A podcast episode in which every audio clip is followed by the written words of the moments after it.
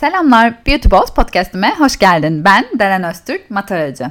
Geçtiğimiz bölümle ilgili o kadar güzel yorumlar, mesajlar, mailler aldım ki e, iyi ki başlamışım dedim gerçekten bu podcast'te. Beni dinlediğinde e, aklında ben her zaman böyle söylerim. Aklında sadece ama sadece bir tanecik bile bir şey bıraksam benim için yeterli. Tek bir kararın ya da tek bir hareketin bile benden sonra farklılaşsın benim için okey. Ben mutluyum. Bu podcastimle ilgili olarak en çok sorulan sorulardan bir tanesi bunun devamının nasıl geleceğiyle ilgiliydi.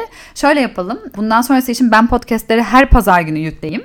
Ee, sen de her pazartesi sabahına dinleyerek e, haftaya başlamayı hedefle ve e, yeni haftaya silkelenerek, farkında olarak, kendine inanarak başla.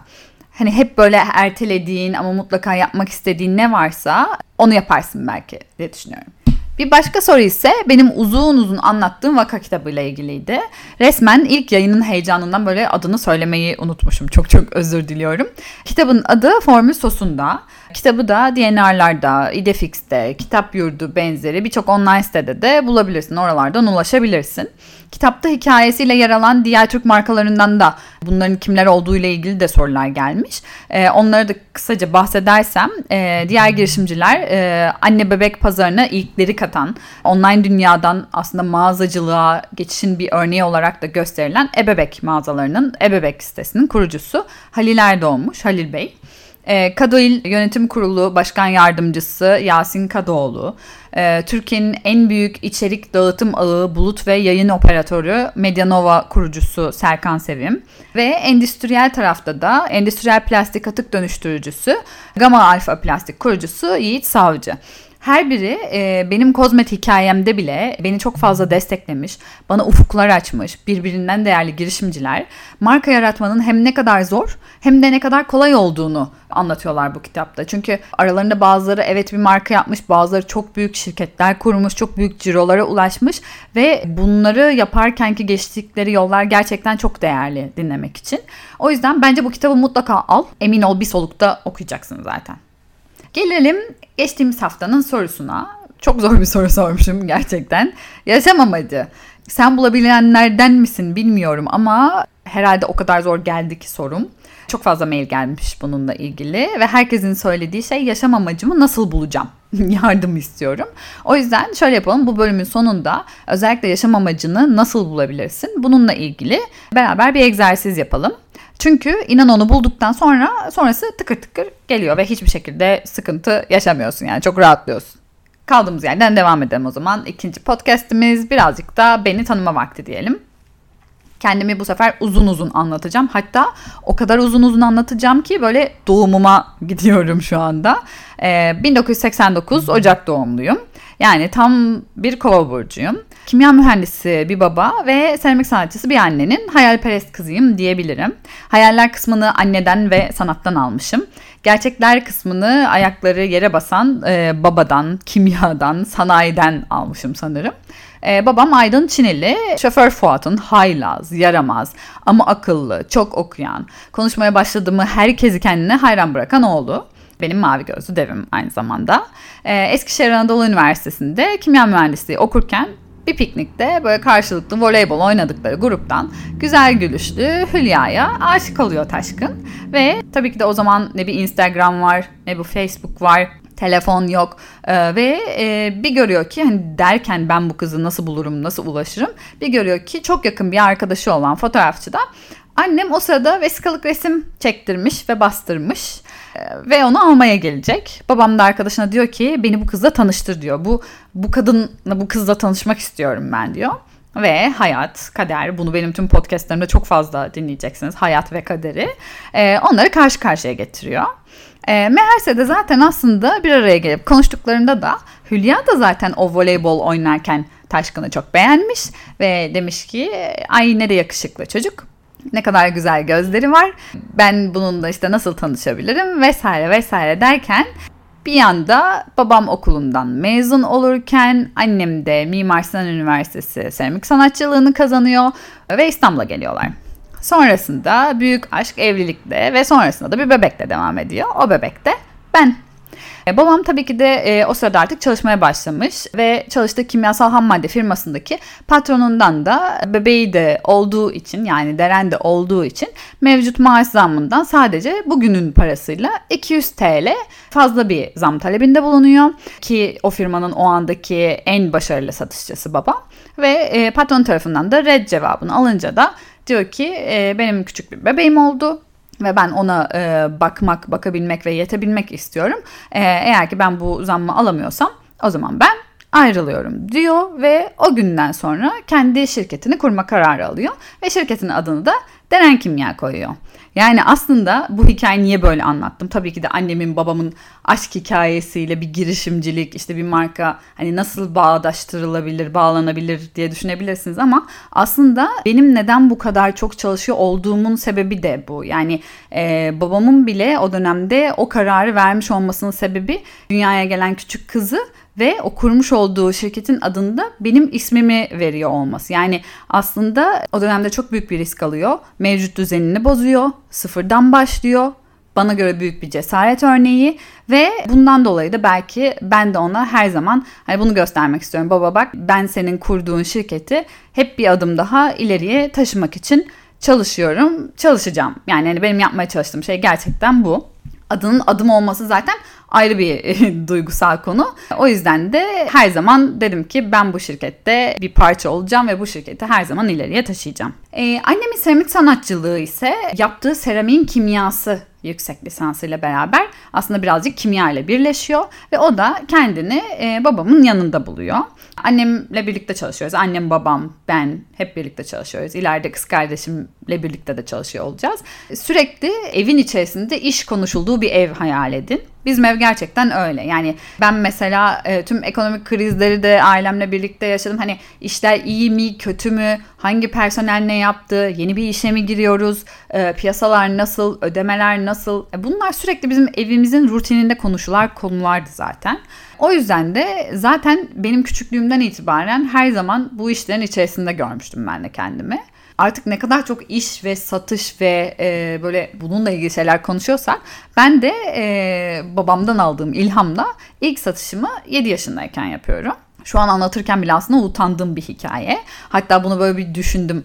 Ee, anlatsam mı, anlatmasam mı diye. Ama aslında yalan söylemenin de ne kadar kötü bir şey olduğunu ya size göstermek değil tabii ki de sizler zaten bunu biliyorsunuz ama e, yalan söylemenin ne kadar kötü bir şey olduğunu ben yalancı çoban hikayesinden çok çok daha acı bir şekilde öğrendim. Yani tamamen yaşayarak öğrendim.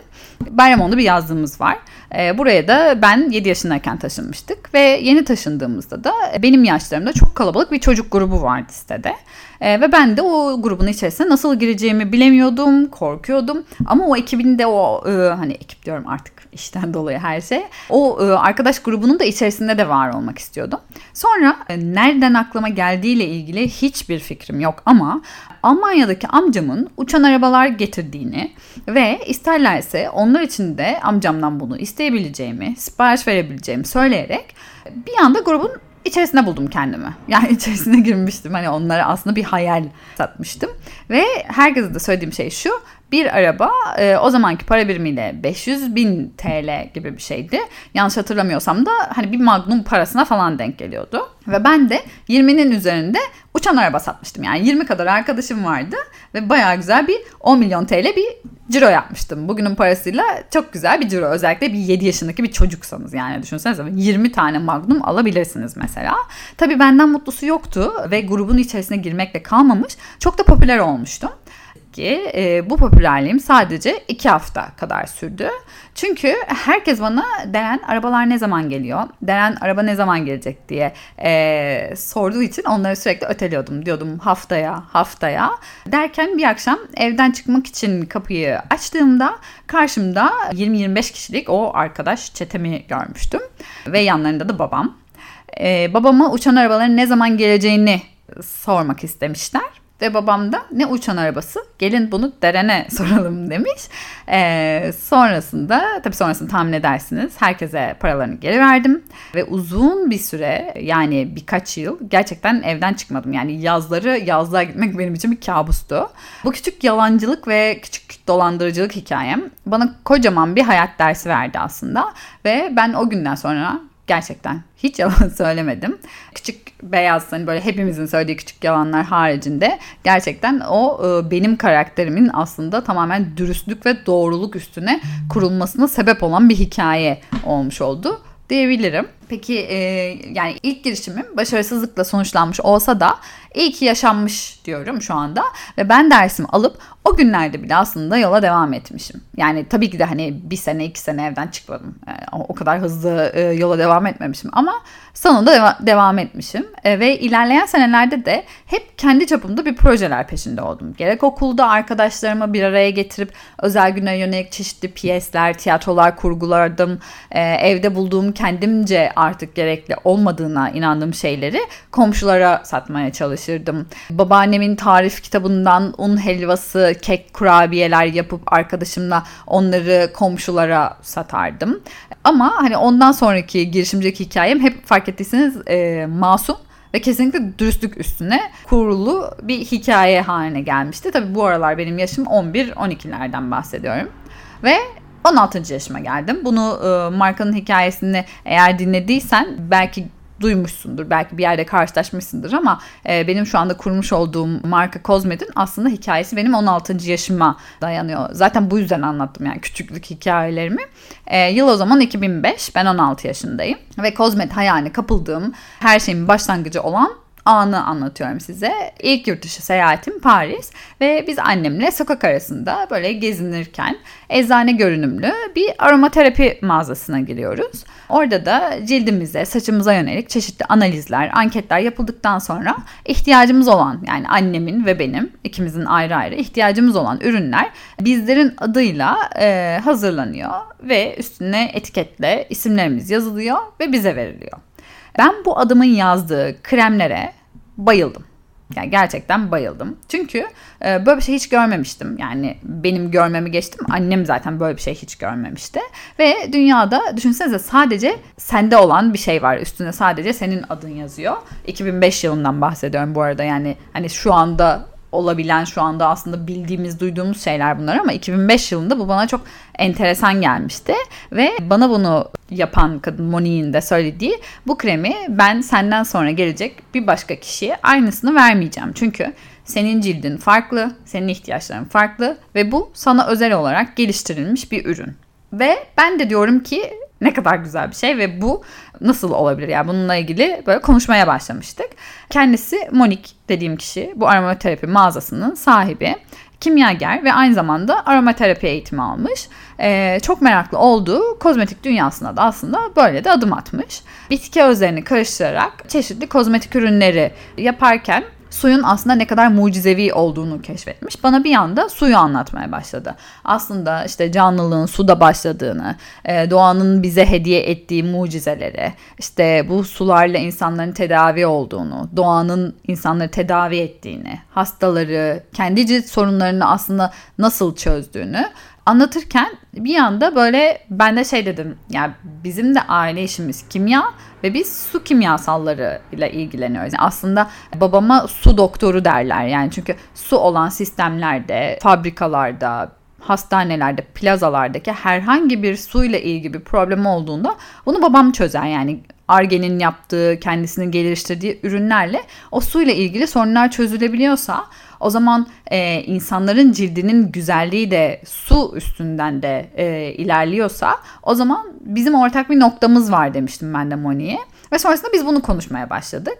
O da bana dedi ki aslında böyle bir şey siz yapabilirsiniz. Yani hani sizin ülkenizdeki kaynakları araştır. Sizin ülkenizden bir kozmetikle ilgili bir şey yapılabilir bence diye benim aklıma kocaman bir soru işareti attı. Ve o anda da aslında o soru işaretiyle beraber de ben şu anda fark ediyorum ki Kozmed'in küçük küçük tohumlarını bana verdi ve avucumu kapattım. Sonrasında da ben döndüm. İstanbul'u döndüğümde fikrimi babama açtım. Ve tabii ki babam klasik bir baba lafı olan bakarız dedi. Klasik baba lafı ya yani hani hepim, hepimizin duyduğu bir şeydir diye düşünüyorum. Ee, bana dedi ki bir araştır bakalım kimler varmış bu sektörde, neler nasıl yapılıyormuş onun üzerinden konuşalım dedi. Belki gerçekten başına sağmak için böyle söyledi.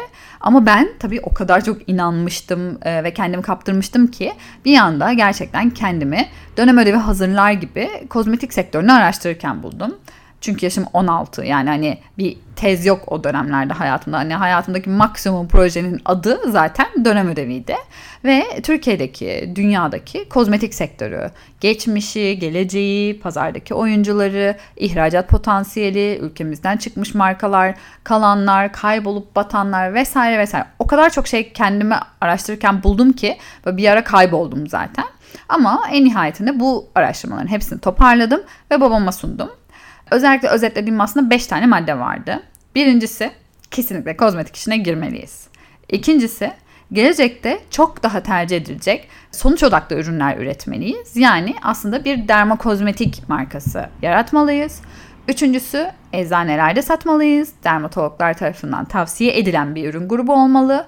Dördüncüsü hem kendi ülkemizde hem de dünyadaki Türk kozmetik markaları ile ilgili çok temiz bir algı yok bununla mücadele etmeliyiz. Çünkü Türk ürünü deyince, Türk markası deyince herkes böyle bir şey diyor. Hmm, kesin bir sahtekarlık vardır bunun içinde.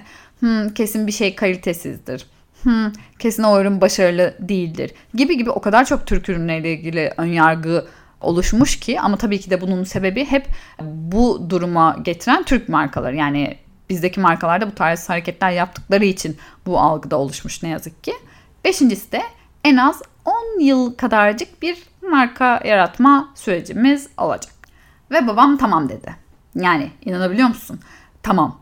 Tamam dedi yani benim babam öyle kolay da tamam demez zaten ama e, bilmiyorum belki de babam o küçücük yaşımda bu kadar inandığım, sahiplendiğim ve belki de kendimi kaptırdığım için hevesimi kırmamak adına dedi bunu. Ama dedi ve biz o gün bir dermokozmetik markası yaratmak için babamla el sıkıştık. Bundan sonrasını podcast'in 3. bölümünde El sıkıştıktan sonrası nasıl oldu, nasıl ilerledi, bundan sonrasında neler yaptık, nasıl ilerledik bunu 3. bölümde anlatmaya devam edeceğim. Çünkü bölümün başında bahsettiğim yaşam amacına değinmek istiyorum. Birazcık zaman alabilecek bir konu çünkü bu da aynı zamanda. Yaşam amacı Ikigai. Bunu zaten aslında sen de büyük ihtimalle o DNR'larda en çok satan kitaplar arasında gördün. Ama tıpatıp aynısını anlatmayacağım zaten. Aslında kitapta çok az değinilen ama aslında en önemli kısmından bahsediyor olacağım. Bir kere ikigai ne demek? Japonca iki hayat demek. Gai de amaç. Zaten hani gai, gaye gibi ya yani amaç demek. Bu kelimelerin birleşimi ve bir Japon felsefesi öğretisi. Ee, ama ben böyle e, ikigai ile ilgili bir teknik bir kısım var, bir matematik var. Bundan bahsediyor olacağım zaten sana. Bunun bir sistematiği var. Bunun üzerinden ilerleyerek de şu an senin yaşam amacını bulacağız. Nasıl bulacağız? Senden bir eline kağıt kalem almanı istiyorum. İstersen şu an bu podcast'ı durdurabilirsin ya da yanında varsa küçük bir not kağıdı onun üstünden bile ilerleyebilirsin. Öncelikle değerlerini bil. Seni sen yapan 3 tane değer ne? Değerler ne diye sorarsan da e, ben birkaç tanesini söyleyeceğim ama çok daha fazlasını zaten internette sonsuz bir şekilde bulabilirsin. Adalet, özgürlük, başarı, dürüstlük, güç, güven, uyum vesaire vesaire. Yani aklına gelmeyecek de bir sürü de değer var. Bunları dediğim gibi araştırıp bulabilirsin. Senin için seni sen yapan 3 tanesini yazmanı isteyeceğim kağıdın en üstüne. Ve sonrasında da 4 tane aslında e, soru var cevaplaman gereken ve bu, bu 4 soruyu cevapladıktan sonra aslında senin yaşam amacının ne yapılarak bulunduğunu görmüş olacaksın. İlk soru şu, ne yapmayı seviyorsun? Neye tutkulusun? Neyden keyif alıyorsun? Ya mesela benim için kendimden ilerleyeceğiz. Benim için kozmetik benim çok sevdiğim, çok meraklı olduğum, e, yeni ürünler alayım, deneyeyim, koklayayım, süreyim, keyif aldığım bir şeydi kozmetik. İkinci soru, dünya ne istiyor?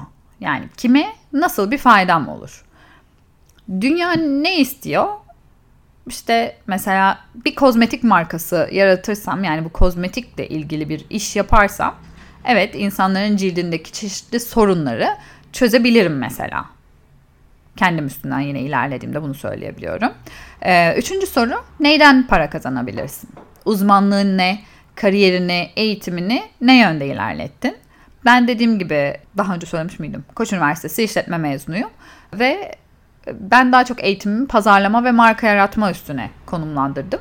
O yüzden de aslında bu Kozmed'in marka hikayesinde benim daha çok sahiplendiğim tarafı e, markalaşmaktı. Yani o yüzden buna ayrı kafa patlatıyorum. Çok böyle keyifle de çalışıyorum. Bir dünya markası yaratma tutkumu aslında üniversite eğitimimle de pekiştirmiş ve desteklemiş oluyorum diye görüyorum.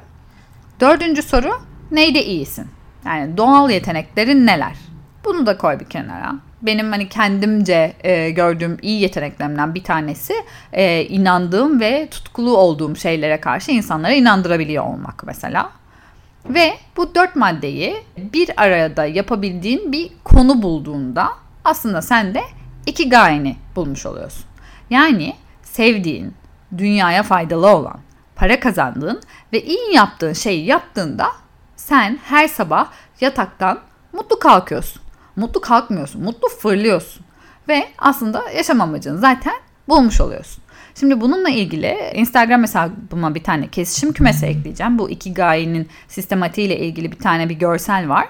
Ekran görüntüsü alabilirsin. Bunu telefonuna koy, masana koy, duvarına as ve bak. Her gün bak. Yani ben neyi seviyorum, dünya neyi istiyor, neyden ben para kazanabilirim, eğitimim ne, ben neyde iyiyim, neyi yaparsam gerçekten mutlu olurum bu hayatta.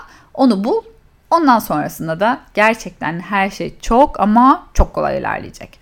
Beni dinlediğin için teşekkür ediyorum. Ee, sosyal medyada beni @derenöztürk hesabımla bulabilirsin. Sorularını beautyboss.cosmet.com.tr adresine, yorumlarını ve yıldızlarını da bu podcast'in altına bekliyorum. Bir sonraki podcast'te görüşmek üzere. Hoşçakal.